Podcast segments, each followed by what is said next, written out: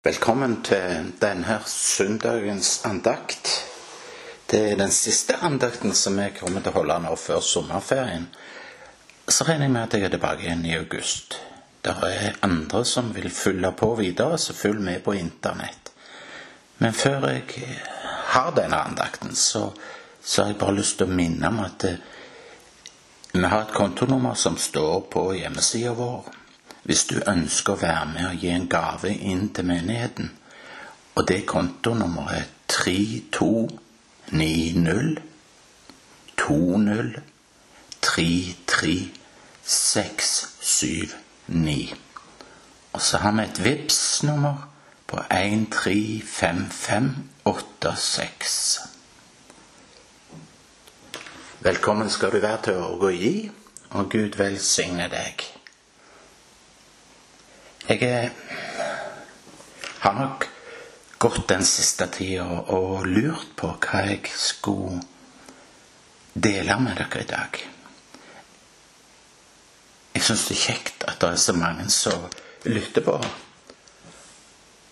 Og så er det så viktig for meg at det ikke blir fordi det er kjekt for meg at det er mange som lytter, at jeg deler det jeg deler på grunn av at det skal være så fint og festlig.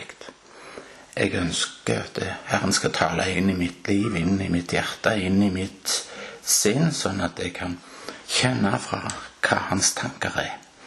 Og i dag så har jeg kjent jeg vil tale om noen nugler. Nugler som forhindrer at vi brenner ut. Som gjør at vi, vi, vi kan springe hele det løpet som, som er lagt foran oss.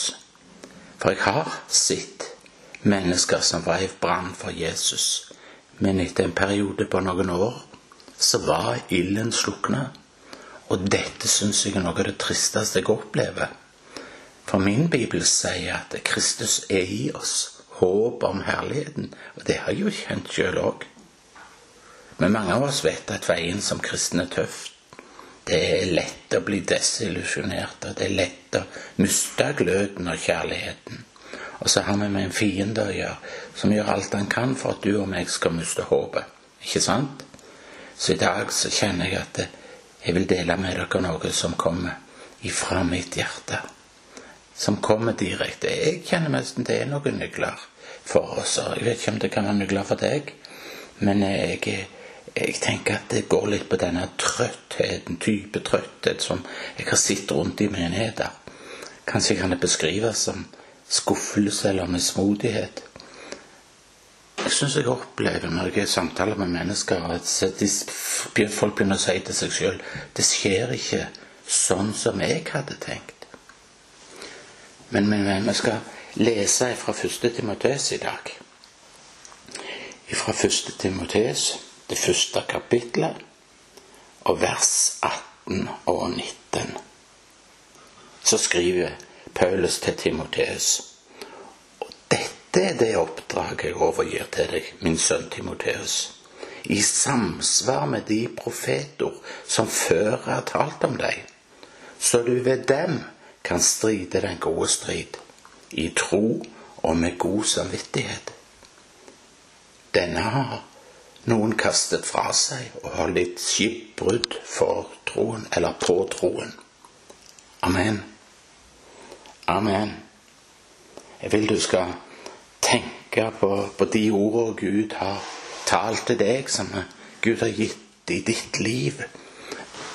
Dette profetiske ordet, eller det som jeg talte eller snakket om eller skrev om på en av hilsningene, dette rema-ordet fra Herren. Du vet, Herren taler til deg og meg. Som, som jeg taler til mine barn, så taler Han til, taler han til, til deg og meg og vi kan tale til Han. Hva er forholdet? Hva er ditt forhold til de ordene som Herren har talt inn i ditt liv? Du forstår, når vi får et ord fra Herren, da blir iallfall jeg kjempebegeistret. Wow, tenk Gud talte til meg. Kanskje fikk du ord som var over ditt liv. Kanskje fikk du ord over din familie eller for menigheten. Kanskje det var for omgivelsene. Men min venn, når Herren har talt sitt ord, ja, da begynner troens kamp. Er du med meg på det? Og så kommer Paulus til Timoteus her, og så sier han, 'Timoteus, jeg har noen instruksjoner til deg. Husk de profetiske ordene. Du må slåss for dem. For dette er de tøffe dagene. Du må slåss for hvert eneste ord, Timoteus. Du må holde fast på alle ord i tro. Så husk de profetiske ordene. Jeg tror òg dette kan være instruksjon til deg og meg i dag. Vi må holde fast på alle ordene i tro. For vi har med en fiende å gjøre som, som, som kommer og sier Er du sikker på at det ordet er til deg? Er du nå sikker på at det ordet var for i dag?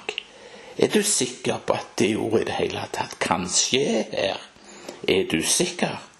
Og så hører vi den stemmen, og så begynner vi å sveie litt fram og litt tilbake. Vi begynner å tvile.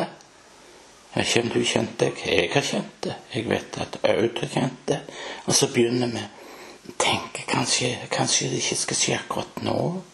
Og så begynner vi å forandre planene.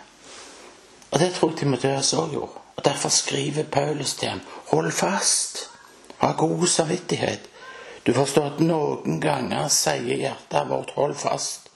Hold fast på ordet, Svein, sier Mens forstanden min, sinnet mitt, det sier nei, nei, nei, Svein, vær nå fornuftig. Se på fakta. Se på de realitetene her. Det kan ikke skje. Og så begynner det en krig der inne. En krig mellom ditt hjerte og ditt sinn. Og så sier de om ikke la kompromisser. Men så kommer forstanden og så sier Nå må du gi deg, Svein, ikke være en tulling. Og så begynner krigen. ikke sant? Derfor ønsker Gud å si til deg her denne dagen, når du sitter og lytter til Hold fast på det ordet du har fått ifra meg, sier Herren. Hold fast på det. Paulus han advarer Timoteus med å si noen folk har, har mista sin tro, sånn at livet deres er blitt et skipsforlise.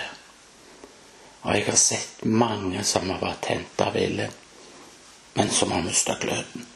Og noen har bare slukna. Men de går på møte, ja, ja, de går på møte. De går på møte hver søndag, men nå er det mer av tradisjon enn et brennende hjerte for Jesus. For de har mista det. De mista ilden, de mista gløden. Men sjøl disse menneskene har Gud møtt. Han har talt profetiske ord over deres liv, men de ga slipp på det. Paulus han skriver også i Korinterne Vet du ikke at den som løper Ikke sant? Kanskje jeg skal slå opp det i Korinterbrevet. I Korinterne 1 Første Korinterne 9, tror jeg vi må ta. Jeg hører jeg blar litt i Bibelen her. Så står det Vet dere ikke at de som løper på idrettsbanen, de løper alle. Men bare én kan få fredsprisen. Løp da, slik at dere kan vinne den. Spring da sånn at du kan vinne seiersprisen, sier Paulus. I dag vil jeg spørre deg hva er målet for ditt løp? Hva er målet? Har tenkt på det? De fleste av oss starter for gull. Ikke sant? Vi starter løpet, så skal vi springe for gull. Men så begynner vi rett og slett å lytte til fiendens løgner. Og så sier vi hvorfor skal vi arbeide så hardt? Kanskje de ville klart seg med en bronsemedalje. Jeg vet ikke om gull er verdt det strevet. Det er jo så mye kamp. Det er jo så mye strid. Det krever altfor mye lidenskap. Og jeg kjenner den brannen. Det krever for mye av meg. Ikke sant? Det, det, det, krever for mye overgivelse. Det tar for mye av dette livet. Jeg vet ikke om gull er verdt prisen. Og venner, det er det jeg tror djevelen har begynt å fortelle til oss kristne i dag. Det kreves for mye. Vi har ikke tid til dette. Det er så mye andre interesser. ikke sant? Vi har så mye vi skal gjøre med ungene, vi har så mye vi skal gjøre der. Så det, dette er ikke verdt dette. Vi trenger ikke springe dette løpet. La oss bare sitte ned og se på en stund. Og så begynner han å friste oss til å gi opp. Men hør her, iallfall for denne andagsstunden, ikke la djevelen få brenne deg ut. Ikke la djevelen få slukke din ild. Men hvordan i all verden skal vi unngå det, tenker du? Jo, punkt nummer én. Ikke bli for oppslukt av selve kampen. For du ser vi står i en kamp, vi står i en strid. Så ikke bli oppslukt av selve kampen. Se for deg Josva. I Josva 5 så står det om han. Han Josva møter Herrens engel, ikke sant? Og vi kan lese ifra, fra det vers 13 i Josva 5. Mens Josva var ved Jeriko, hendte det en gang at han så opp og fikk øye på en mann som sto foran ham med et løftet sverd i hånden. Josva gikk bort til ham og sa, Er du for oss, eller er du med fiendene våre? Han svarte, Nei, jeg er høvding over Herrens hær, og nå har jeg kommet. Da falt Josva på sitt ansikt til jorden og tilba og sa til ham, Hva har min tjener å si? Hva har min herre å si til sin tjener? Og høvdingen over Herrens hær sa til Josva, dra skoene av din fot, for det stedet du står på, er hellig. Og Josva gjorde så.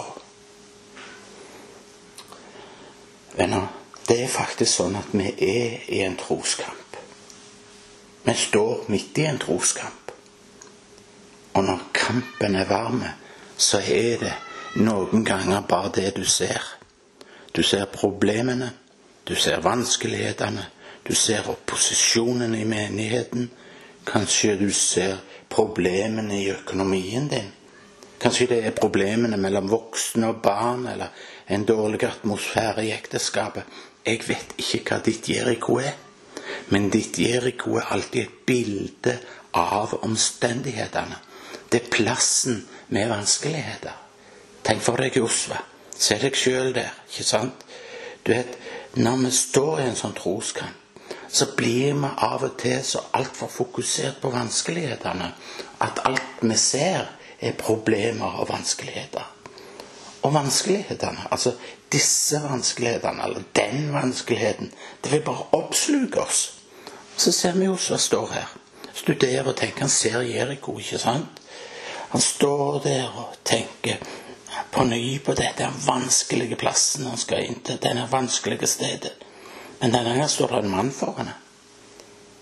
Han greier bare å tenke på slaget i Oslo, ikke sant? Ser, tenker krigen som han skal tenke på, denne striden han skal gjennom, på vanskelighetene. Hvordan skal jeg få til et gjennombrudd? Jeg er sikker på han tenkte det. Og så sier han til denne mannen, hva sier du på? Er du med oss, eller er du en av våre fiender? Du ser Josva, han har bare kampen i tankene sine. Mens mannen sier, 'Ingen av sine, jeg. Er fører for Herrens hær. Jeg er her for deg.' Og da utbryter Josef. 'Å Herre, hva vil du jeg skal gjøre?' Og Så faller han ned, og så sier Guds engel til ham, 'Jeg vil at du skal ta av deg dine krigssko.' Det er ikke tid for å gå i krig. Dette er tid for tilbedelse. Det er tid for å tilbe. Og kjenner jeg må få lov til å si i dag at når du er trøtt og føler er det virkelig verdt det Når du føler deg Jeg tror jeg må bruke ordet åndelig utbrent. Så ta øynene dine vekk fra krigen og se på Jesus. Fest blikket på Jesus igjen. Engelen sa til Josfa, ta av deg dine sko. Ta av deg dine sko. Du skal ikke gå noen steder. Du skal ikke kjempe noen kamper. For dette er tid til å stå stille. Ingen aktivitet. Bare tilbedelse. Bare tilbedelse. For så kommer de rette perspektivene tilbake. Amen. Du vet, For noen av oss er det bare krigen vi klarer å se. Problemene, vanskelighetene, motstanden vi har, sløvhet rundt oss. Det er de ting som ikke er rett. Vi blir så oppslukt av selve slaget. Derfor sier Gud til oss ta av dere skoene. Det er ikke tid for å slåss. Det er tid for tilbedelse. Så se opp. Og når du og meg får sitte opp, så vil det forandre vårt perspektiv. Er du klar på det? Når vi fester blikket på Jesus igjen. Halleluja, halleluja. Når vi får lov til å se, se Herren. Kanskje er det sånn Kanskje er det det Gud vil med oss her i dag. Gi oss et nytt perspektiv. Å, for Gud er en stor Gud. Og kjenner Dette gjelder for mange av oss. Ikke fortsett med å se på ditt Jeriko. Ikke fortsett med å si hvordan skal denne situasjonen noen gang forandres. Men se opp. Se opp. Fest blikket på Han. Halleluja. Du forstår når Josva begynte å tilbe. Han falt ned og begynte å tilbe. Da ga Gud han den perfekte strategien. Hindrene ble fjerna. Amen. Så punkt nummer én ikke bli for oppslukt av selvavslaget. Kanskje punkt nummer to må bli da lær å kjenne Gud. Det er gjerne det vi trenger, å kjenne Gud. For du vet, som jeg sa tidligere, en av de tingene som djevelen gjør i dag, det er jo at han underminerer vår tillit til Gud. Og det er ikke nettopp det som skjedde i Edens hage? Har Gud virkelig sagt? Djevelen han har ikke forandra seg. Men du og meg, vi har fått det profetiske ordet. Og derfor kommer fienden hele tida til deg og meg og sier det var ikke dette Gud mente. Gud vil helt sikkert ikke gjøre det. Ikke sant? Ikke stol på ordet. Ikke stol på det. Det er noe som du har tutla fast med. Du kommer til å bli skuffa. Det er ingenting som vil skje. Og dermed vil det begynne å riste og skjelve, både i troa og i tilliten til Gud. Men min venn, kjenn din Gud. For når så den tvilen kommer, da kan du stå imot fienden og alle hans løgner. Du vet, Gud vil at vi skal kjenne ham. I Daniel så står det noe sånt som de som kjenner sin Gud, skal være sterke. Daniel 11, 32, tror jeg det står. Dette har med nærhet å gjøre. ikke sant? Å kjenne Han. De som kjenner sin Gud, skal være sterke. Så må vi kunne snu oss mot djevelen og si nei. Du er en løgner. Du er alle løgners far. For jeg, jeg kjenner min far. Jeg kjenner min himmelske far. Jeg kjenner min Gud. Så når trøttheten kommer For jeg tror at mye av trøttheten det kommer av mistillit. Vil Gud virkelig gjøre det? Skal jeg tro på dette her? Jeg tenker det kommer sånn tvil. Og derfor skal vi kjenne i vårt indre. Vi skal rope ja. Han vil. Jeg kjenner min Gud. Jeg vet at Hans ord er sannhet. Jeg vet at jeg kan legge ned mitt liv på Hans ord. Amen. Så jeg vil aldri gi opp. Jeg vil aldri gi opp. For jeg ønsker å kjenne min Gud. Hvordan kan vi da lære å kjenne Gud, spør du gjerne. Og vet du hva, det er da du må opp på fjellet. Det er den plassen hvor du kan ha denne nærheten med Gud. Søke han gjennom ord og søke han gjennom bønnen. Så når du kjenner at det blir varmt fra kampen, da trenger du virkelig å komme opp på fjellet. Er du med på det? Du trenger å øke tida di sammen med Gud. Moses måtte opp på fjellet, ikke sant? Fikk instruksjoner. Tabernakelet. Jesus måtte opp på fjellet. Og Det som ofte skjer pga. slaget, det er at vi setter i gang og begynner å slukke ilden. Vi gjør en masse ting. Jeg sitter i menigheten hos oss òg. Vi gjør og vi gjør og vi gjør. Men så gjør vi alt annet enn det Gud har kalt oss til. Og så blir det så lett for oss som ser på omstendighetene. Og når vi gjør det og ser på krisen rundt oss, så begynner vi å handle i forhold til det. Er du med meg på dette? Så blir det krisene, så blir det bølgene som får oss til å handle. Selv om Den hellige ånd sier 'vent, Svein'. Vent nå. La ikke krisene i ditt liv få presse deg, men la Den hellige ånd få instruere deg. Av og til så kreves det mer mot til å vente enn å gjøre ting. Er du med meg på det? Vi blir ofte så utbredte fordi vi gjør og gjør og gjør når vi skulle ha venta vente, vente og gå på Den hellige ånds instruksjon. Før Jesus gikk til Golgata, så gikk han til Getsemane, for han venta på Herren. Han ba. Han venta. Han visste hva som kom, men han venta. Ofte når vi begynner å involvere oss i en sånn troskamp, så er det som om trykket bare kommer på oss. Å, det, det, det, er min menighet. Ja, jeg må få det til å fungere. Bare tenk å være pastor. ikke sant? Jeg må få til vekkelse. Jeg må få til relasjoner. Det var jo mitt profetiske ord. Det Herren talte jo til meg. Jeg må, få, jeg, må, jeg må få det til å skje. Og så er det som om visjonen blir mitt ansvar. Andre kan nok kjenne det. 'Å, det er min økonomiske situasjon. Det er mitt økonomiske problem. Jeg må finne løsning.' Eller andre igjen kan si 'det er mitt ekteskap. Jeg må få til et gjennombrudd'. Og det er som fienden hele tida maler inn imot deg. Hæ? Hva gjør du med dette problemet? Hva gjør du med dette problemet? Og så legges det et ansvar på våre skuldre som gjør at vi blir trøtte, venner. Og vi er trøtte fordi at vi bærer på et ansvar som ikke er vårt. Det er et falskt ansvar. Men Herren er vår hyrde. Han er vår hyrde, og herredømmet skal være på hans skuldre. Og så skal han bygge menigheten. Og så skal han få lov til å bygge familie og relasjoner. Hver gang fienden kommer og anklager deg, kan du si nei. Jeg kan nok ikke gjøre det, men jeg kjenner en Gud som kan. Jeg har en himmelsk far som kan. Men vi prøver ofte å få ting til å skje. Vi vil gjerne ordne opp sjøl. Men det er ikke vårt ansvar med å få ting til å skje. Vi skal vente. Vi skal tilbe, venner. Tenk det. Vi skal lytte, vi skal adlyde. Men vi kan ikke få ting til å skje. Det er ikke vårt ansvar. Det er Guds ansvar.